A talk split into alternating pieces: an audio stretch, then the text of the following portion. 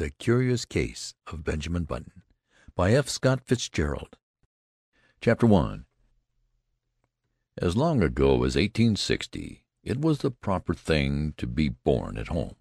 At present, so I am told, the high gods of medicine have decreed that the first cries of the young shall be uttered upon the anaesthetic air of a hospital, preferably a fashionable one. So young Mr. and Mrs. Roger Button were fifty years ahead of style when they decided one day in the summer of 1860 that their first baby should be born in a hospital. Whether this anachronism had any bearing upon the astonishing history I am about to set down will never be known. I shall tell you what occurred, and let you judge for yourself. The Roger Buttons held an enviable position, both social and financial, in the antebellum Baltimore. They were related to the this family and that family, which, as every Southerner knew, entitled them to membership in that enormous peerage which largely populated the Confederacy. This was the first experience with the charming old custom of having babies. Mr. Button was naturally nervous. He hoped it would be a boy, so that he could be sent to Yale College in Connecticut, at which institution Mr. Button himself had been known for four years by the somewhat obvious nickname of Cuff. On the September morning consecrated to the enormous event he arose nervously at six o'clock, dressed himself, adjusted an impeccable stock, and hurried forth through the streets of Baltimore to the hospital, to determine whether the darkness of the night had borne in any new life upon its bosom. When he was approximately a hundred yards from the Maryland Private Hospital for Ladies and Gentlemen, he saw Doctor Keene, the family physician, descending the front steps rubbing his hands together with a washing movement, as all doctors are required to do by the unwritten ethics of their profession. Mr. Roger Button, the president of Roger Button & Company, Wholesale Hardware, began to run toward Doctor Keene with much less dignity than was expected from a Southern gentleman of that picturesque period. "Doctor Keene!" he called. "Doctor Keene!" The doctor heard him, faced around, and stood waiting, a curious expression settling on his harsh, medicinal face as Mr. Button drew near. "What happened?" demanded Mr. Button as he came up in a gasping rush. "What was it? How is she? A boy? Who is what?" "Talk sense," said Doctor Keene sharply. He appeared somewhat irritated. "Is the child born?" begged Mr. Button. Doctor Keene frowned. "Why, yes, I suppose, after a fashion." Again he threw a curious glance at Mr. Button. "Is my wife all right?" "Yes." "Is it a boy or girl?" "Here now!" cried Doctor Keene in a perfect passion of irritation. "I'll ask you to go and see for yourself. Outrageous!"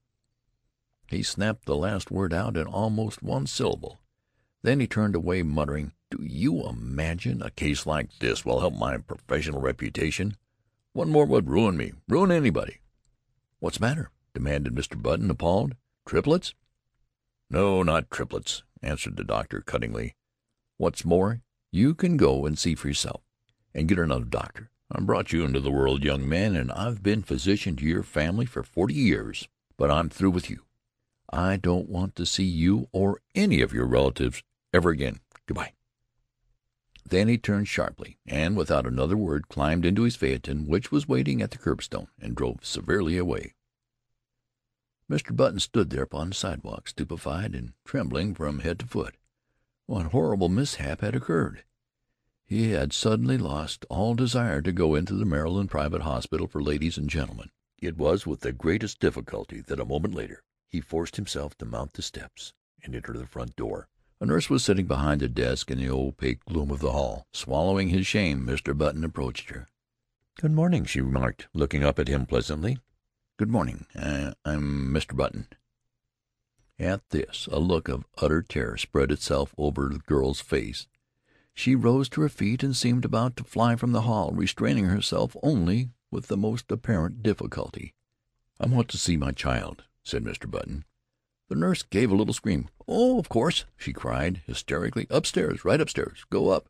She pointed the direction, and Mr. Button, bathed in cool perspiration, turned falteringly and began to mount to the second floor. In the upper hall he addressed another nurse, who approached him, basin in hand. Uh, "I'm Mr. Button," he managed to articulate. "I want to see my " Clank! The basin clattered to the floor and rolled in the direction of the stairs. Clank! Clank! It began a methodical descent, as if sharing in the general terror which this gentleman provoked. "I want to see my child!" Mr. Button almost shrieked. He was on the verge of collapse. Clank!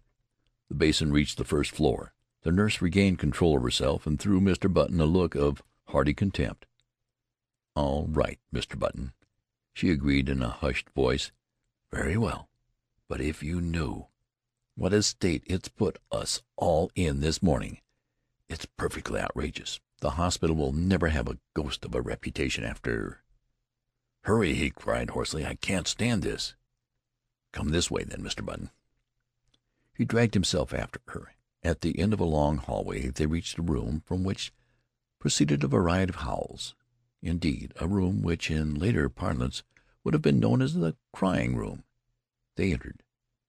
"Well," gasped Mr. Button, "which is mine?" "There," said the nurse. Mr. Button's eyes followed her pointing finger, and this is what he saw. Wrapped in a voluminous white blanket, and partially crammed into one of the cribs. There sat an old man, apparently about seventy years of age. His sparse hair almost white, and from his chin dripped a long smoke colored beard, which waved absurdly back and forth, fanned by the breeze coming in at the window. He looked up at Mr. Button with dim, faded eyes, in which lurked a puzzled question. "Am I mad?" thundered Mr. Button, his terror resolving into rage. "Is this some ghastly hospital joke?" "Doesn't seem like a joke to us," replied the nurse severely, "and I don't know whether you're mad or not, but that is most certainly your child." The cool perspiration redoubled on Mr. Button's forehead. Closed his eyes, and then, opening them, looked again. There was no mistake. He was gazing at a man of threescore and ten, a baby of threescore and ten, a baby whose feet hung over the sides of the crib in which it was reposing. The old man looked placidly from one to the other for a moment, and then suddenly spoke in a cracked and ancient voice. "Are you my father?" he demanded. Mr. Button and the nurse stared violently. "Because, if you are," went on the old man querulously, "I wish you'd get me out of this place, or at least get them to put a comfortable rocker in here. "Where in God's name did you come from? Who are you?" burst out Mr. Button frantically. "Can't tell you exactly who I am," replied the querulous whine, "because I've only been born a few hours, but my last name is certainly Button." "You lie! You're an impostor!" The old man turned wearily to the nurse. "Nice way to welcome a new born child," he complained in a weak voice. "Tell him he's wrong, why don't you?" "You're wrong, Mr. Button," said the nurse severely. "This is your child, and you have to make the best of it. We're going to ask you to take him home with you as soon as possible some time to day." "Home?" repeated Mr. Button incredulously. "Yes, we can't have him here. We really can't, you know."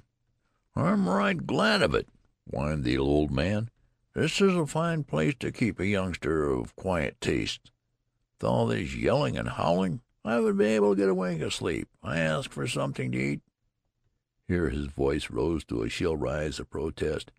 "And they brought me a bottle of milk!"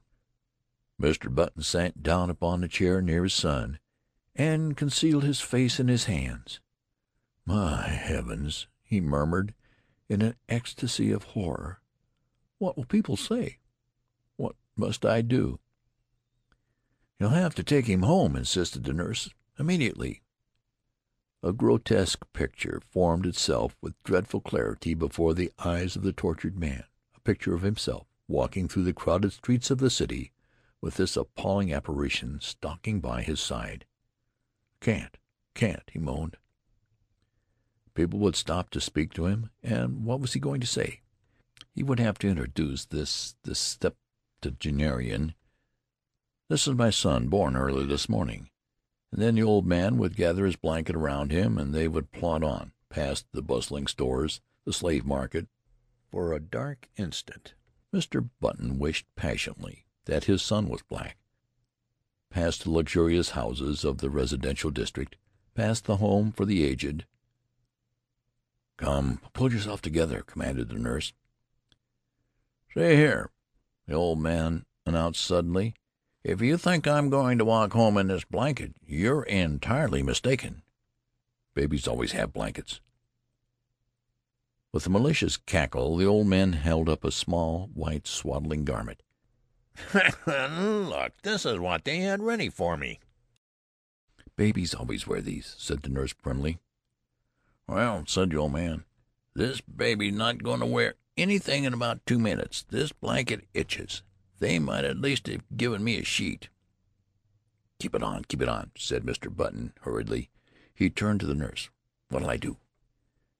"Go downtown and buy your son some clothes." Mr. Button's son's voice followed him down the hall. "And a cane, father. I want to have a cane." Mr. Button banged the outer door savagely.